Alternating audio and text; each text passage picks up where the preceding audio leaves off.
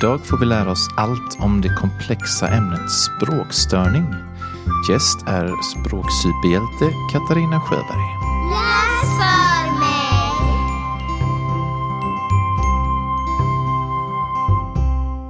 Hej och välkomna till ännu ett avsnitt av podden som heter Läs för mig och som vi spelar in och producerar på Halmstad stadsbibliotek. Idag så är jag utan min programledarkollega Carolina som är hemma i lite karantänsjukskrivning får man väl säga. Hon är lite förkyld och eh, i dessa coronatider så, så får man ju hålla sig hemma då. Eh, men jag har en gäst mitt emot mig här som heter Katarina Sjöberg som är logoped och författare och du ska väl få börja med att presentera dig själv lite grann eh, Katarina. Så välkommen hit. Tack så hemskt mycket. Tack för att jag fick komma hit och ersätta lite Carolina idag. Då. Det är roligt. Jag heter Katarina Sjöberg och jag jobbar ju då som logoped sedan snart 30 år. Är det. Eh, Jag har jobbat 25 år i Region Halland insåg jag för några veckor sedan. Ja. Jag har jobbat med allt inom den logopediska världen kan man säga. Eh, dock inte barnhabiliteringen insåg jag, barn som eh, är på barnhabiliteringen. Men jag har ju träffat de här barnen ändå för vi har ju ett samarbete. Eh, jag har också jobbat på olika delar i Sverige. Eh, men de sista åren så jobbar jag mycket med olika kommunikationssvårigheter och språkstörning är en av dem. Ja. Stamning jobbar jag mycket med. Då är det ju både små barn och vuxna. ja. Eh, och eh, också något som heter dyspraxi som jag träffar många barn. Och det är som en grav artikulationsnedsättning. Ja, okej. Eh, Där man har väldigt svårt att göra sig förstådd. Så att, eh, och så mycket med små barn och deras språkutveckling såklart. Ja. Och nu sen i höstas så jobbar jag också inom central barnhälsovårdsteam i Halland. Så jag har liksom ansvar för att stötta BVC och BVC-personal, både i utbildning och i direkta fall kan man väl säga. Ja. Jätteroligt, för det är en Spännande. ny tjänst som Halland har tagit på sig. Ja. Så heder åt dem, hoppas vi att den kan få vara kvar lite. Kul, ja men det låter spännande. Mm. Härligt. Ja, du, som sagt, du har hållit på mycket med, inom logopedin. Du har också skrivit eh, två böcker i alla fall, va? Eller har du skrivit fler? Nej, Mm. Nej, två. jag har skrivit ja. två. Ja. Eh, och det är Språklekar i förskolan som kom för några år sedan. Mm. Och nu den allra senaste som är nästan färsk från pressarna får vi säga. Mm. Eh, som heter Språkstörning hos barn 3 till 7 år. Och det, det är just språkstörning jag tänker vi ska prata mycket kring idag. Vi kommer att komma in på en del annat också. Men språkstörning i fokus just med tanke på den här senaste boken. Men först ska vi så köra den här programpunkten som vi alltid gör. Språkminnet. Ja, vi vill alltså höra om ett språkminne, Katarina. Det är ju superspännande. Jag har tusen språkminne hela tiden poppar upp. Ja. Men jag tänkte faktiskt vara lite personlig. Mm. Ehm, Så jag har valt två olika, det fick man ju heller inte göra. Det får man. Ja, Absolut. det får man. Det ena var när jag var alldeles ny och färdig logoped. Då hade vi gjort som examensarbete, jag och mina kompisar, att vi hade en eh, enkät som kollade upp vad vet folk om logopedi. Logopedi, eller vad är en logoped rättare Mm. Ja. sagt. Men det roligaste delen var också att vi gjorde en film ihop med Lunds universitet, eh, kameraman och allting, Ja. om vad en logoped gör då, vad en logoped jobbar med. Eh, och ett av de barnen som var med där var ju ett litet barn som hade väldigt dåligt språk. Han, han hade en språkstörning. Okej. Och när filmen var klar och allting var färdigt så hade vi eh, sån här release party. Ja. Det ska man ju ha. Och då var ju bland annat den här familjen med den pojken också där. Ja. Och så var ju mina föräldrar där och, och så. Och då hör jag min mamma säga till den mamman. Åh, det är så konstigt, för precis så pratade Katarina när hon var liten. Yes. Och jag blev Okej. alldeles stum, för jag, det är klart man har fått höra, du vet, så här sa du när du var liten Ja, ja, och visst. det här kunde du inte säga så. Nej. Men att det var ett sånt nedsatt språk jag hade när jag var fyra, det hade jag nog inte riktigt förstått. Nej. Eh, och mamma bara, jo men det, visste inte du det? Så att det är lite spännande. att, eh, jag hade riktigt dåligt uttal när jag var fyra år. Jag Okej. gjorde mig inte riktigt förstådd. Nej. Så det, det är det ena språkminnet, den här oj, wow. Ja. Så. Ja, intressant. Ja, visst är det. Ja, verkligen. Det andra det är faktiskt, jag var au pair i Zürich när jag var 19. Ja. Och då hade jag ju läst tyska. Åkte till Zürich som är tysktalande då, Ja. trodde jag. Tror du? Problemet när jag kom ner det var att de pratar inte så mycket tyska där. De pratar något som heter Schweizerdeutsch. Okej. Som är en variant. Okej. Så jag förstod ingenting i princip. Vilket också var en jättespännande upplevelse Ja. när man är så då pratig som jag är. Mm. Eh, och jag trodde verkligen att men det är ingen fara.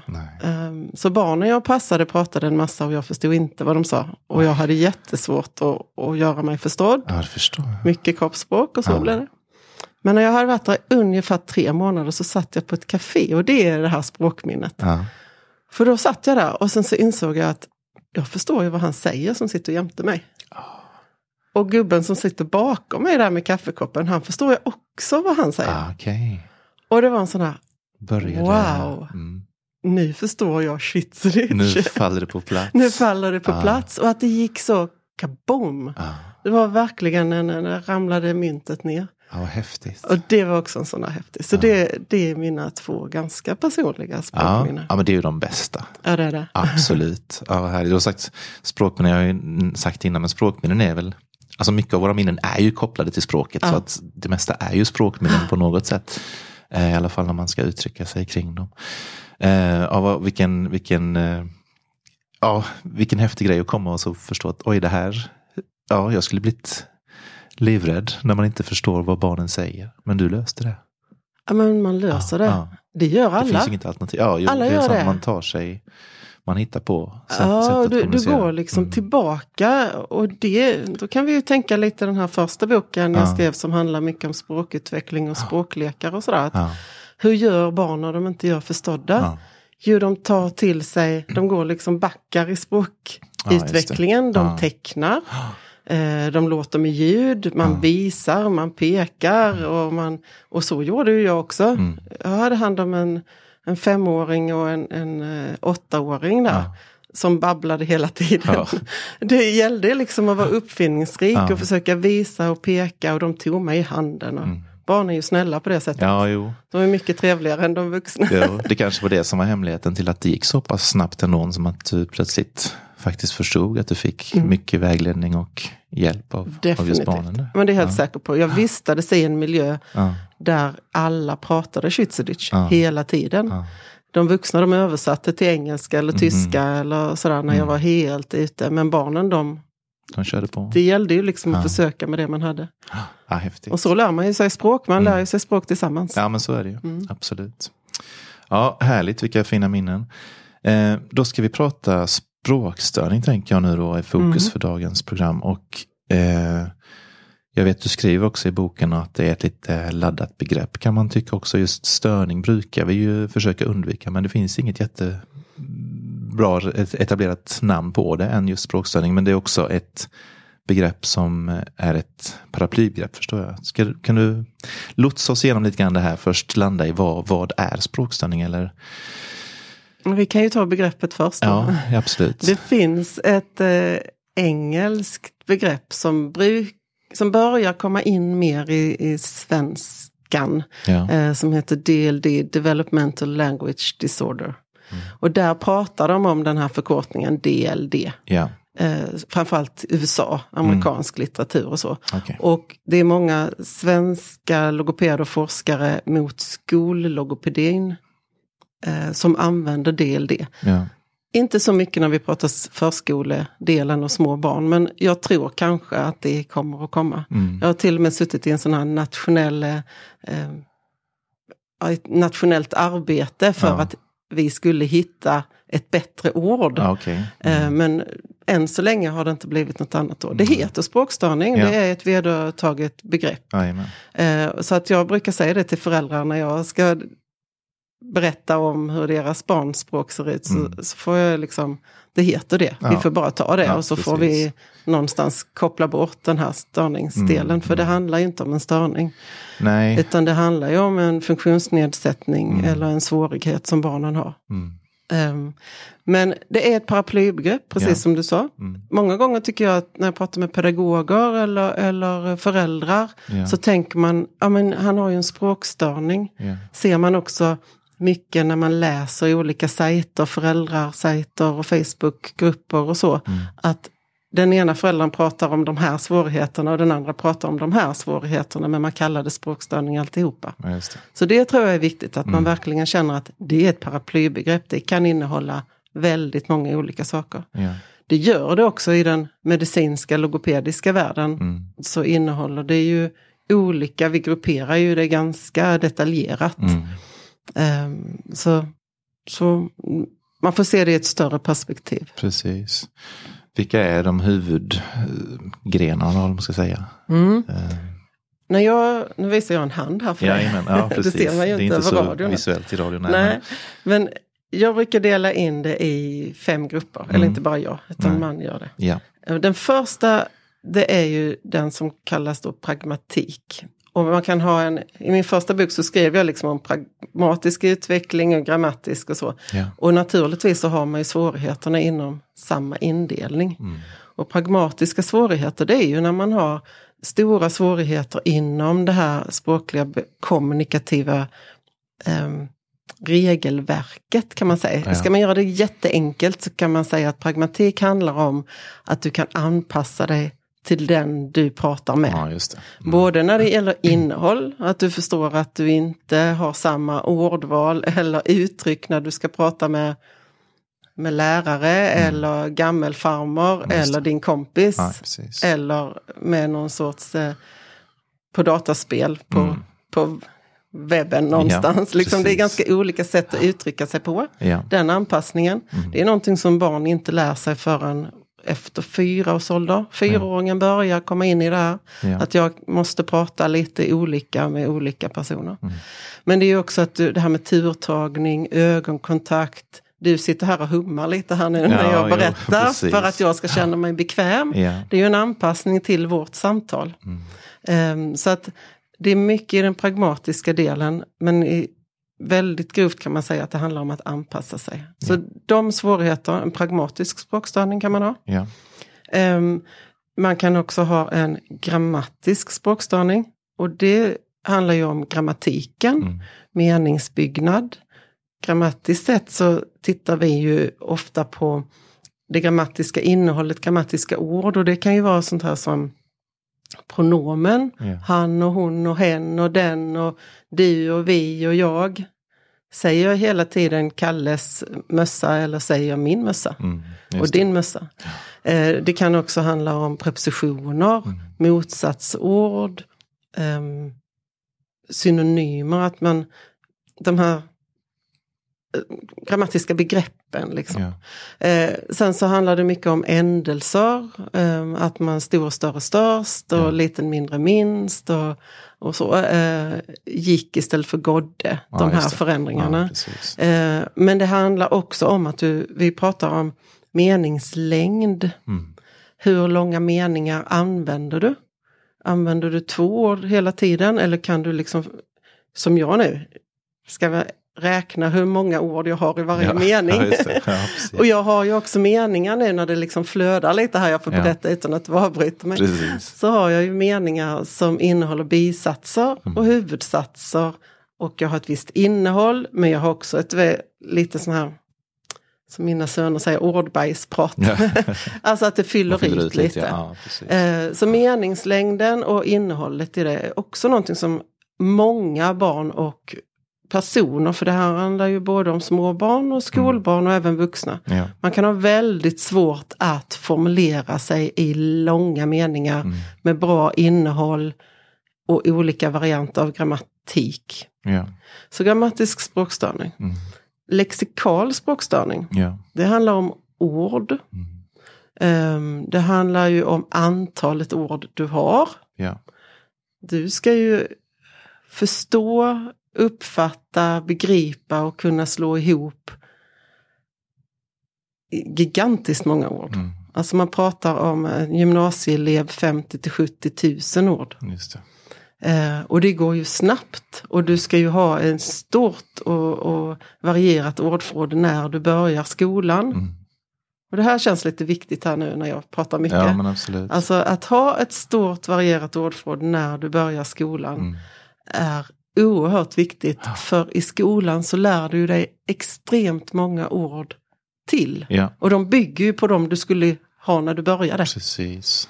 Ehm, man pratar om 3000 skolord per årskurs. Ja. Upp till mellanstadiet för då är det 5000 per år. Så man, ja, Så du måste ha någonting att utgå ifrån. precis. Så dels är det den här mängden ord. Mm.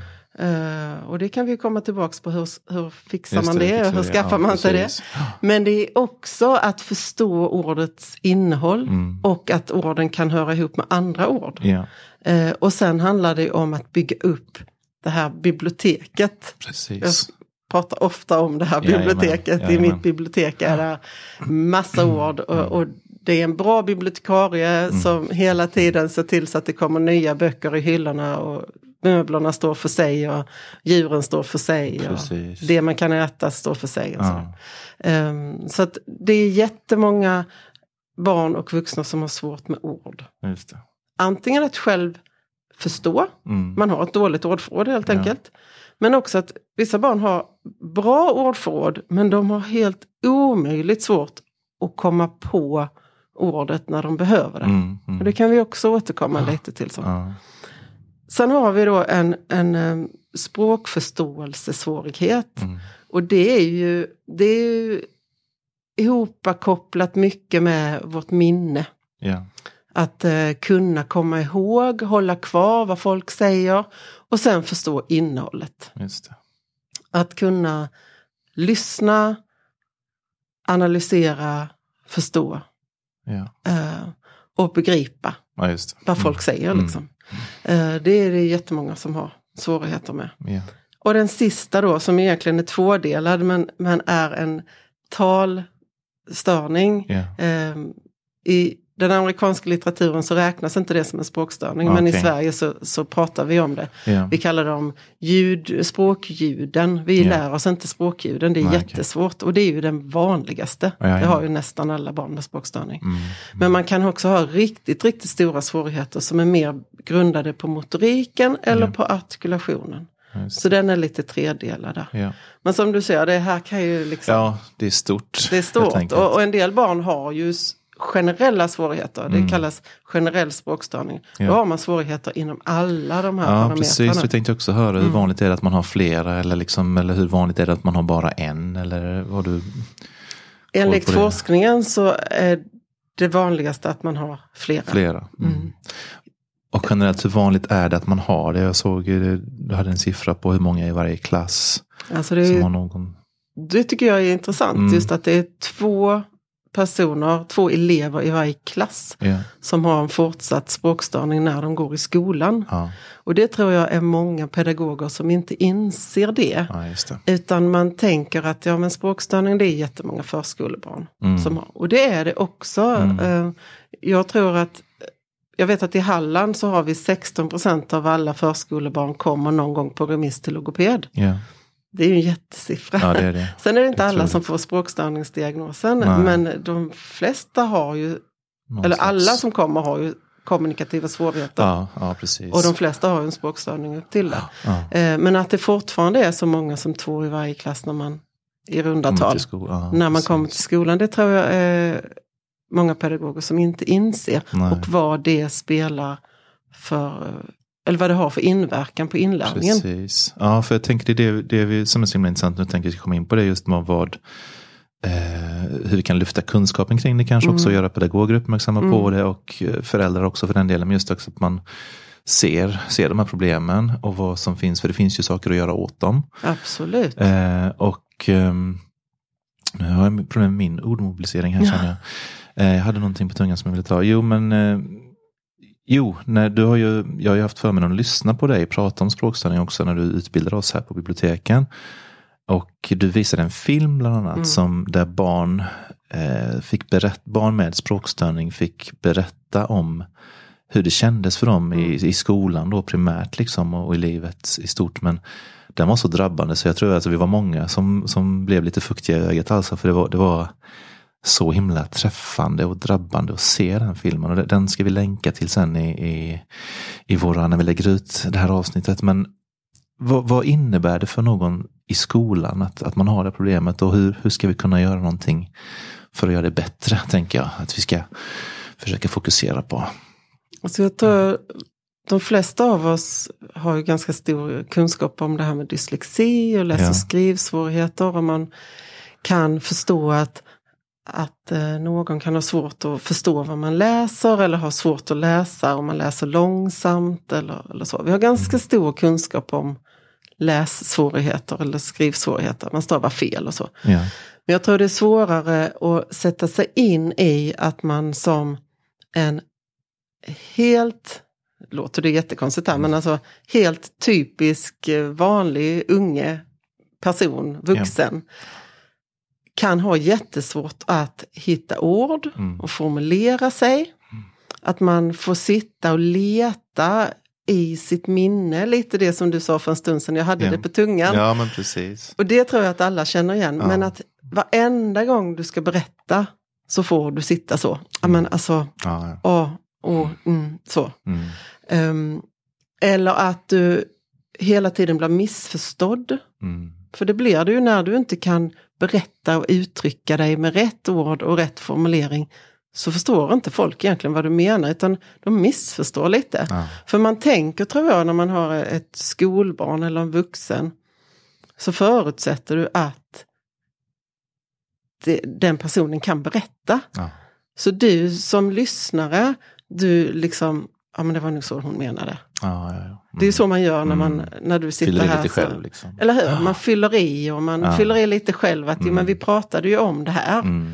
Sen så kanske man då inte förstår att när vi, vi sitter ett gäng här och pratar så, så pr- pratar vi om skolan. Mm. Sen är det någon som säger jämte mig här att, att eh, nu växer ju, nu kommer ju våren, nu växer ju blommorna. Ja. Ja, jag älskar ju tussilago och så börjar jag prata om blommor Ja. med min kompis. ja. Men då hänger inte du med. Nej, okej. Utan du är kvar på skolarbetet. Mm. Och det blir ju väldigt konstigt då för att, att resten av gruppen som pratar har bytt ämne. Det kanske inte jag riktigt är med på. Nej. Så helt plötsligt så säger jag, jag fick B. Mm. Och vad har det med tussilago att göra? Precis. Så att just det här att missförstå varandra eller bli missförstådd Mm. är en sån typisk sak tycker jag. Det gör ju också att du hela tiden måste vara med. Mm.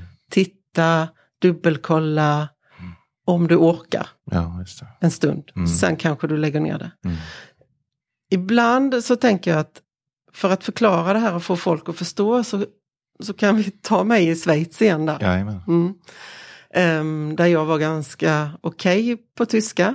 Ehm, efter ett år där nere var jag riktigt, riktigt bra både på schweizerdeutsche och tyska. Men Ja. är så här 30 år efter så, så kommer jag ju ibland till Tyskland. Ja. Ehm, och jag förstår ju ett och annat. Mm. Och sitter jag med en person som är snäll mot mig och pratar långsam Mm. tyska och enkel tyska, då har vi ju ett riktigt bra samtal. Ja. Men om jag står och, och liksom ska lyssna på en föreläsning, då är jag ju fullt konst- koncentrerad i två minuter och sen orkar inte jag, då Nej. lägger jag ner. Och lite så är det att ha en grav språkstörning Ja. när du är bland folk som inte är, liksom anpassar Ja, sig. Att du förstår lite här och lite där. Du måste dubbelfokusera hela tiden. Mm. Och till slut orkar du inte, då lägger du ner. Men just det här att det är svårt att formulera sig, svårt att hitta ord. Kanske svårt att, att förstå, du blir missförstådd, du uppfattar en sak men inte den andra. Nej. Och sen ska vi ju inte, sen har vi inte ens kommit in på det här med inlärningsproblematiken utan Nej, det här är ju socialt. Liksom. Precis. De säger också om man har riktigt stora svårigheter och har svårt att berätta om vad man själv har varit med om. Mm. Så det är där man skapar sina sociala möten. Ja, Just det. Eh, att kunna återberätta vad man har varit med om. Precis. Och det tycker jag det är en sån här sak som man ska tänka på som pedagog. Ja, Att hjälpa barnen att få återberätta vad de har varit med om. Ja.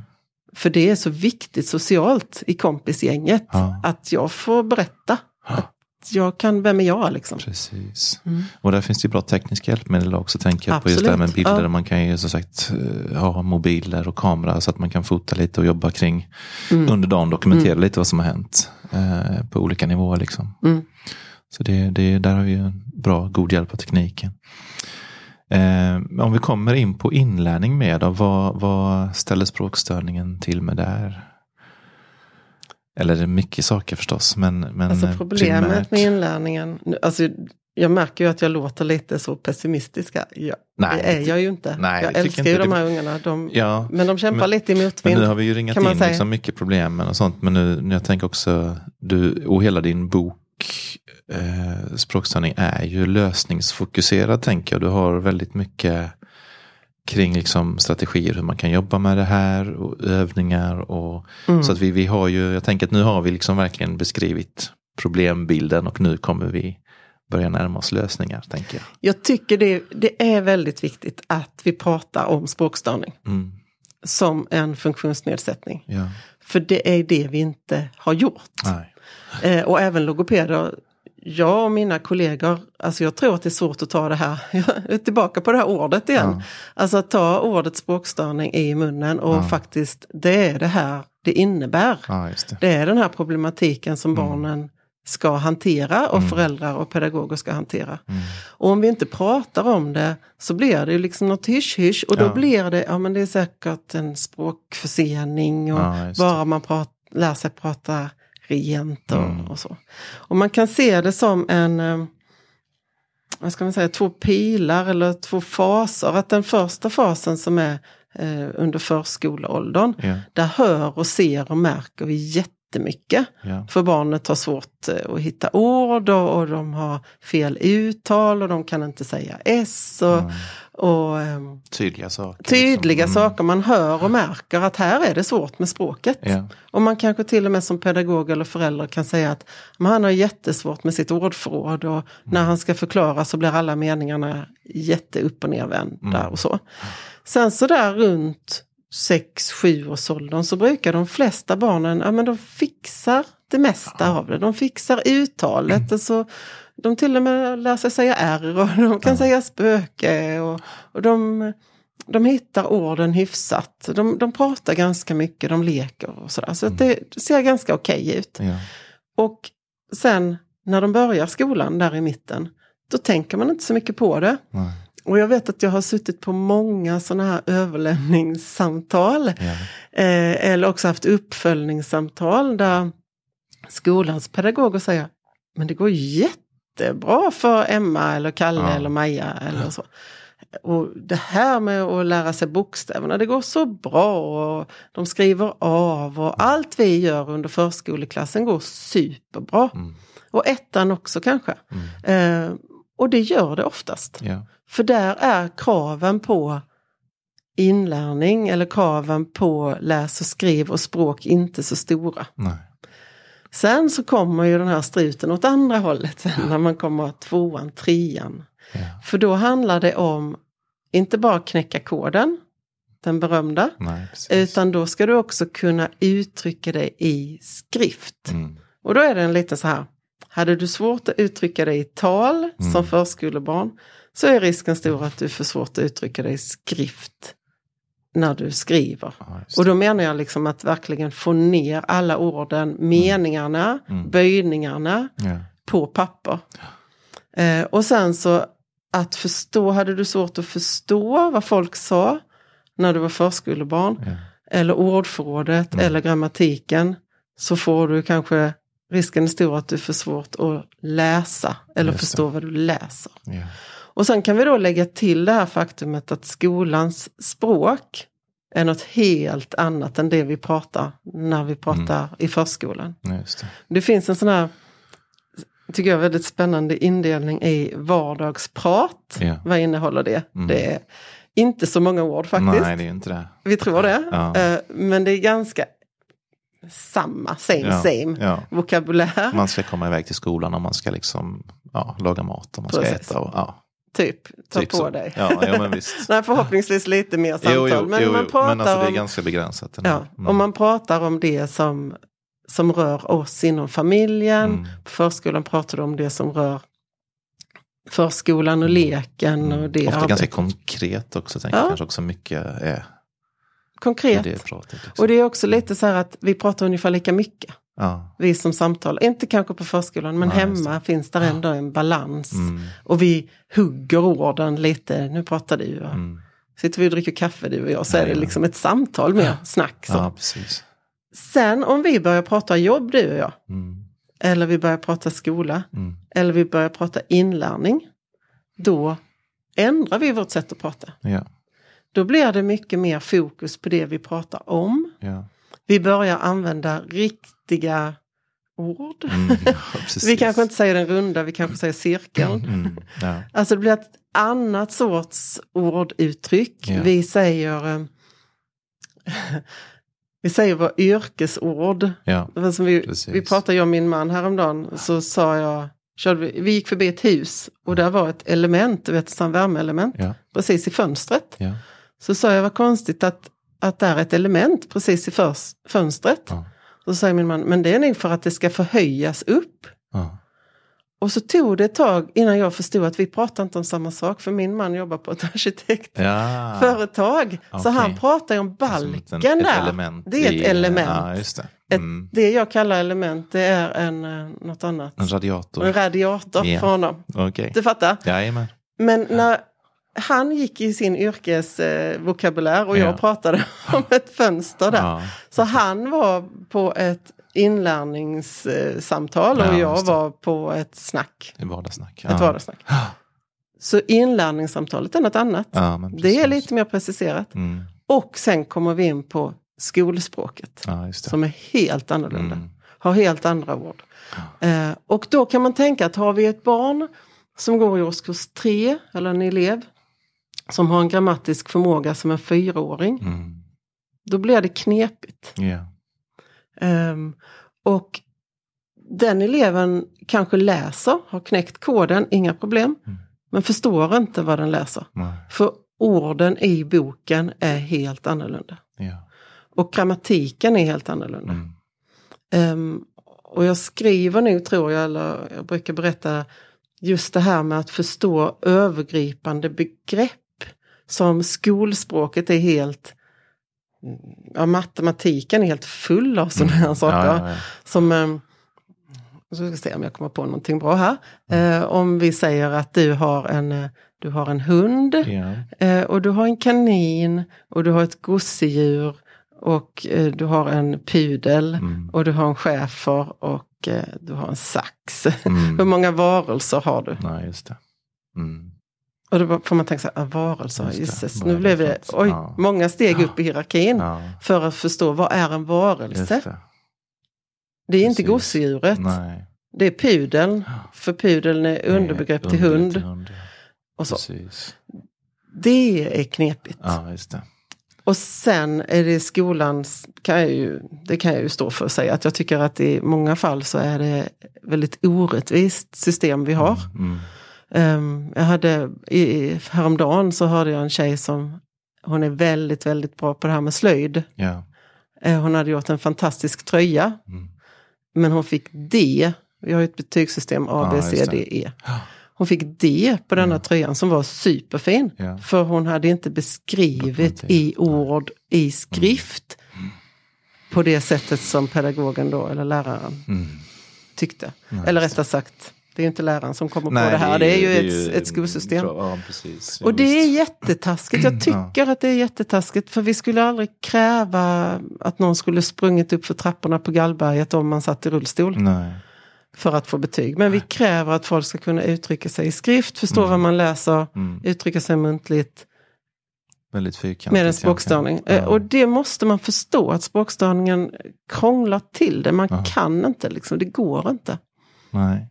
Vad kan man då, ehm, hur kan man jobba med det? Vad ska man som pedagog tänka på? Vi har pratat om det också med, eh, vi har pratat om det innan också när jag pratade med en annan logoped, Carolina Larsson, att barn hittar ju ofta strategier som gör att det är svårt att se de här grejerna också ibland. Mm. Alltså, eh, vissa saker är svåra att se från början och som sagt barn är ju smarta. Eh, hur, hur, var det något så här knep till en pedagog att hitta de här, eh, identifiera språkstörningar och, och jobba med dem och, och hitta just som sagt, vi pratat eh, om skolan har ju ett kompensatoriskt uppdrag i, i skollag och i många styr, styrdokument så ska man ju hjälpa alla barn, inte med inte ge dem samma stöd allihopa utan ge dem adekvat stöd, liksom det stöd Mm. man behöver. Eh, där har vi mycket att jobba mot tänker jag. Ja, Ja. Jag tänker ibland så här att eh, vi pratade lite om det du och jag innan också. Ja. Att det finns ju ingen rättvisa i att alla ska få lika mycket. Nej, precis. För att världen ser inte ut så och den har ju aldrig sett ut så. Nej. Vi människor har ju i alla tider haft språkliga svårigheter. Ja. En del av oss. En del av oss har haft svårt att klättra i träd Ja. och en del av oss har haft god sångröst och Mm. andra lite mindre. Mm. Jag menar jag vet ju att du sjunger och håller på mycket med musik. Ja. Vi har ju haft barngrupper ihop. Jag skulle ju aldrig kunna sätta mig med gitarren som du Nej. kan göra. För att vi är lite olika där. olika Liksom. talanger. Ja. Ehm, så det är ju i, i grunden är det ju ingenting konstigt. Men har man ett skolsystem som bygger mycket på att man muntligt och skriftligt ska kunna Mm. uttrycka sig Mm. och i skrift ska förstå vad man läser eh, och kunna hantera språk på den här nivån som svensk skola faktiskt kräver. Mm. Då kan man ju utgå ifrån att vi har en del barn som bara, whoop, Ja. de fixar det här. Detta är deras grej. Jajamän. Det är som eh, att prata fritt och snabbt och mycket. Det är ju vissa väldigt, de har det i sig. Mm. Så att, bra. Andra har inte det Nej. och då måste man stötta. Eh, och då tänker jag att stöttningen måste vara dels att man får fortsatt träning och behandling kanske, men Ja, man får fortsätta på tre, träna på det som är svårt. Men också att man får kompensatoriska hjälpmedel. Och det kan vara iPad, det kan vara talsyntes, det kan vara bildstöd, det kan vara jättemånga olika, läspenna, Mm. det kan vara, det finns nu en fantastisk skanner, man har den i sin telefon eller i sin padda, Ja, okej. där du kan fota en text Ja, och sen läser paddan upp den Okej. för dig. mm. Wow. Alltså det finns super mycket bra tekniska hjälpmedel. Eh, Så den kompensatoriska delen Ja. måste man hjälpa eleverna med. Ehm, För att de kanske inte lär sig på samma sätt Nej. utan de måste ha den stöttningen. Mm. Jag tycker också att det är någonting man ska tänka lågt ner i åldrarna. Mm. För det är svårt att lära sig hantera de här tekniska grejerna när man går i årskurs 7 Mm. och är inne i tonåren och Mm. allting är jobbigt som det är. Mm. Och man har redan misslyckats 50 gånger, Ja, minst. Utan det ska man ju lära sig använda där i tvåan, ettan, tvåan, trean. En del av mina barn tycker jag de ska lära sig det där vid förskoleåldern. Mm. För att verkligen vara proffs på det när När man man ökar mängden Mm. text och mängden krav där Ja. i mellan högstadiet. Precis. Då ska man ju kunna det, då ska man inte ha ytterligare någonting. Nej. Så det, det är liksom fortsatt träning, Mm. kompensatoriska verktyg. Och den tredje grejen som jag tänker det är att hur ska du få eleven att få samma inlärnings... eh, Alltså lära sig samma sak. Mm. Eh, För många gånger så låter man då den eleven som har svårt med att läsa kanske man låter läsa böcker, enklare böcker. Ja. Eh, Och det är helt okej, bara innehållet är samma. Ja, Men det är det ju oftast inte. Nej. Utan när, när trean läser om Hallens kultur Mm. då kanske jag får läsa om hunden Pippi som går på promenad eller Ja, någonting. ja. Nu hittar jag på. Men Jo, jo, men det, det är också en tredje viktig del att hur får jag eleven, hur ger jag eleven samma kunskap som sina kompisar mm. för att man pratar om det på skolan eller på rasten eller vad det nu är. ja. Så det är de där tre delarna tycker jag är Precis. viktigt. Ja. För just vi pratade ju innan eh, off air också om att läsning, att läsa och skriva är ju någonting vansinnigt komplicerat. Det är något av det mest komplicerade vi har, Ja, som, som art har kommit på. Liksom. Ja. Och det, det är inget vi har biologiskt i oss utan det är nej. väldigt många olika delar av hjärnan som normalt sett sysslar med annat som ska Mm. kombinera ihop och få till det här liksom avkodningen och att vissa små tecken motsvarar ett speciellt ljud och tillsammans så kan de ljuden bli ännu annorlunda. Och, ja. Ja. det, det, är ju något, det är lätt att liksom ibland kanske bagatellisera vilken magi det är egentligen med läsa och skriva. Det är något helt, eh, det är egentligen ingenting man bara kan ta för givet att alla ska lära sig hur lätt som helst. Utan det är ju en, en avancerad förmåga som, som man kan behöva hjälp med. att Alltså vissa lär sig inte det. Nej. För det handlar om att lära sig. det är precis som du säger, vi är biologiskt väldigt grundade till kommunikation. Ja. Att prata och även om vi inte pratar med munnen Nej. så vi kanske pratar med tecken eller kroppsspråk eller om man har motoriska svårigheter på andra sätt. Men Ja.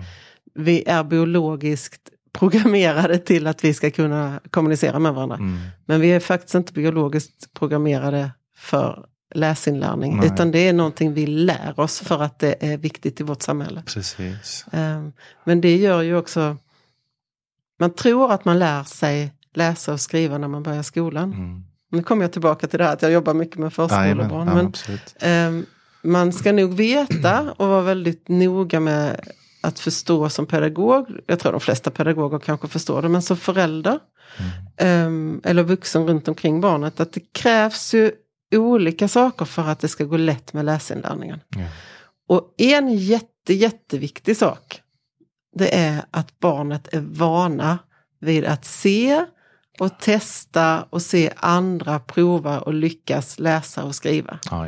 Alltså att från att man är pytteliten har sett andra läsa, Ja. andra skriva, Mm. andra använda och blir väldigt så här, åh vad roligt och det var en sån himla bra bok Ja. och den, titta här. Och att man själv har suttit och bläddrat i böcker, att man har, som du brukar säga, bitit och vänt upp och ner på bebisboken.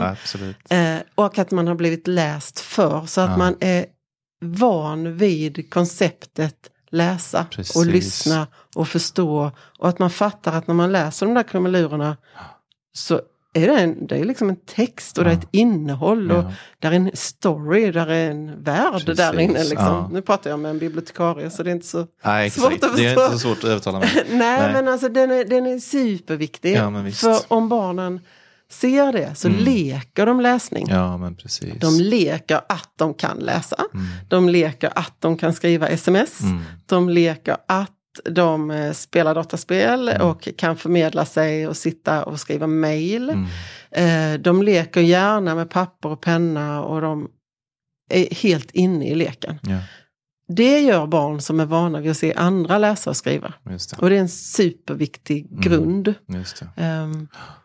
Då tänker jag det här med padda och sådär. Nu Ja. har vi ju en ny teknisk värld. Precis. Eh, använd paddan till att läsa tillsammans. Mm. Ja. Men var, försök att tänka att detta är en bok. Jag ska, läser jag på paddan ihop med mitt barn så ska jag liksom läsa på samma sätt som om det vore en bok. ja. För det har man sett att ehm, för barnens språkutveckling är det bästa att läsa vanliga böcker. Ja. För att vi vuxna läser de böckerna på ett annat sätt. Ah, okej. Mm. Det är, inte, det är Inte inget fel på paddan. Nej, det är nej. inte mediet. i- Det är hur vi använder det. Ah, okej. Sen är det en superintressant del om vi nu är inne på det här med padda som jag måste nämna. Att, Ja. att det har kommit en, en ny studie eh, som gick ut i media bara för några veckor sedan. Ja. Att eh, det är farligt med för mycket iPad och skärmtid Ja. för små barn. För Mm. det är inte bra för deras språkutveckling. Nej. Det intressanta i den det är att det inte är mediet i sig som Nej, är farligt. nej. Utan det är tiden som den snor ifrån att vi pratar Annat. med varandra. Ja, men precis. Och att man blir ensam med det liksom. Ja. Så man lär sig aldrig språk ensam. Nej. Och en padda är inte en kompensation för en, en annan person. Ja, men precis. det måste man tänka på. Ja, Så inte sno tiden ja och inte låta små barn sitta ensamma. Prata med dem istället. Ja, absolut. Eh, apropå sno tid så vet du, vi har redan pratat i nästan fantastiskt. 40, ja, lite över 40 minuter. Mm. Men det är så intressant. Men jag tänker, du har, ju, du har ju mycket du vill säga vet jag. Och är det någonting mer, alltså något särskilt nu vi vill, du vill trycka på innan vi börjar närma oss? För vi har ju en begränsad tid tyvärr.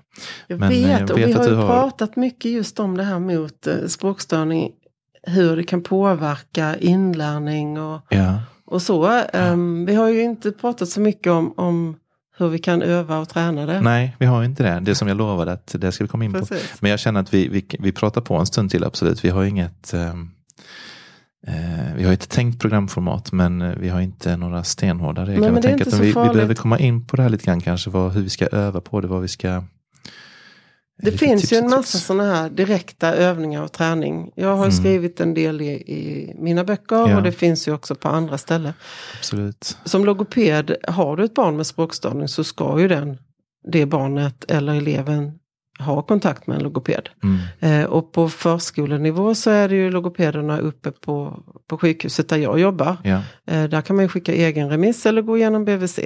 Men eh, kommunen har ju också handledning till de pedagogerna som finns på förskolan Ja. genom att Kärnhuset, här i Halmstad är det ju så. Precis. I Halland finns det andra varianter.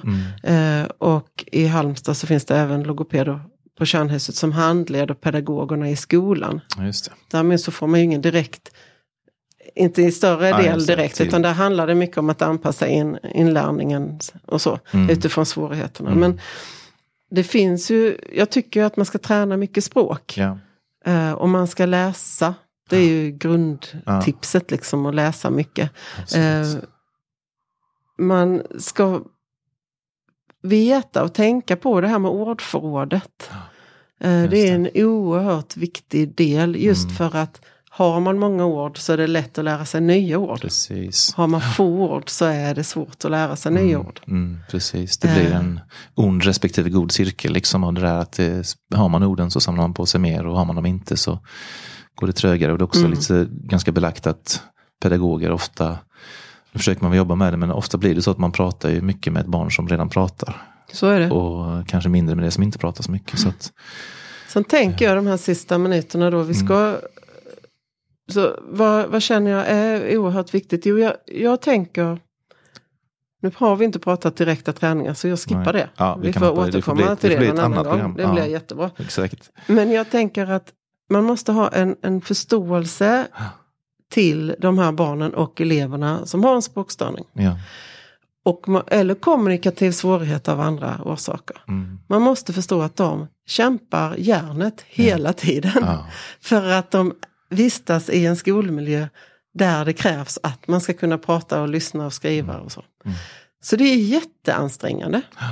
Och det innebär att man blir väldigt, väldigt trött. Mm.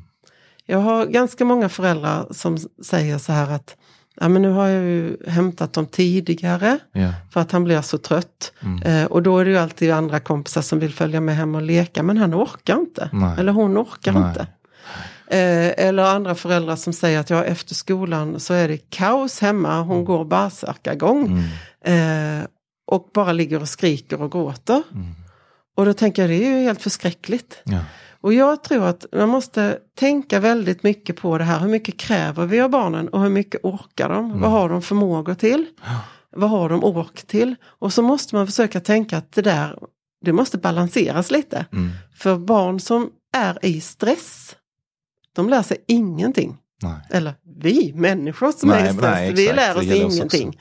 Så vi måste få den balansen. Jag har skrivit en del om det för att jag tycker det är superintressant. Mm. Och jag märker också, eftersom jag jobbar med stamning, Mm. där jobbar man mycket med balans. Ja. Att när jag använder de knepen som vi använder i stamningsterapi Mm. för barn med språkstörning så ger det så jättegod effekt. Ja. Och knepen är egentligen så här att tänka efter hur mycket orkar barnet? Mm. Och så se till så att det blir balans där. Det. Och då får man tänka det som förälder och det som pedagog. Kanske eh, pratvila pratar jag mycket om. Mm. Att man har en pratvila 10, 12 och 2. Ja. Och vad kan pratvila vara? Ja, det är ju individuellt. Det kan vara att pyssla en stund, det Ja. kan vara att pussla en stund, det kan vara att lyssna på musik. Det kan vara att få sitta och måla. Det kan vara att, att få lägga sig i en hörna någonstans med en kudde och bara vila. Ja. Meditera på något sätt. Mm. Eh, det kan vara att bara få dra sig undan i fem minuter. Ja. Och jag pratar att pratvilan är fem, tio minuter. Jajamän. Men en liten stund när jag slipper prata med folk. Ja. Jag bara kan liksom åh, återhämta mig lite. lite. Ja. Att ha inomhusrast istället för utomhusrast Mm. någon gång om dagen. Det Mm. kan göra sådana små jättestor skillnad för barnen och man tror inte att det gör så stor Nej. skillnad men det gör det för de orkar, då orkar de hela Ja, dagen. Precis. Och de orkar kanske också vara trevlig mot sin familj när man Mm. kommer hem. Ja. Sen att man kanske när man väl går hem låter barnet vara i fred en liten stund. Mm. Inte ställer 10 000 kron- kronors frågan. Liksom. Vad har du gjort idag? Vad har ni ätit? Vem har du lekt med? Vad har du gjort? Vad, hade ni? vad gjorde ni på matten? Vad gjorde ni på Mm. svenska? Det här förhöret. liksom. Förhöret. Mm. Utan bara tänker, jag är helt trött efter min Mm. arbetsdag. Mm. Mitt barn är säkert ännu tröttare. Vi låter hen vara i en Ja. kvart. Eller vi går och gungar en kvart. Mm. någonting som inte innehåller prat. Ja. För man behöver liksom vila lite Mm. i det. Eh, och sen kanske man, in, man tänker lite socialt, föräldrar, familj. Mm. Ehm, om du har haft en intensiv dag, pedagogen säger så här, ah, vi har haft utflykt idag, vi har varit på badhuset, eller alltså ja, de här. Ja, ja. Då kanske inte jag ska göra någonting på kvällen. Nej. Alltså den balansen Mm, lite mm. i, och då får man ju ha ett samtal med pedagogerna. Hur har dagen varit? Man kan bara gå till sig själv tycker Mm, jag. mm. Men att inse att det är lite uppförsbacke Just. att gå i svensk skola när man har en språkstörning. Och det måste man nog ha väldigt respekt för. Härligt. Mm. Innan vi rundar av helt så har vi också eh, den här programpunkten. Supertipset! Ett supertips. Ja, Ja. och jag har funderat. Ja. Men mitt supertips är enkelt. Ja. Och jag tänker att i dessa coronatider Ja. och i påsk som snart kommer så Ja. är det ett enkelt att utföra. Mitt supertips det är att verkligen tänka tillsammans. Ja.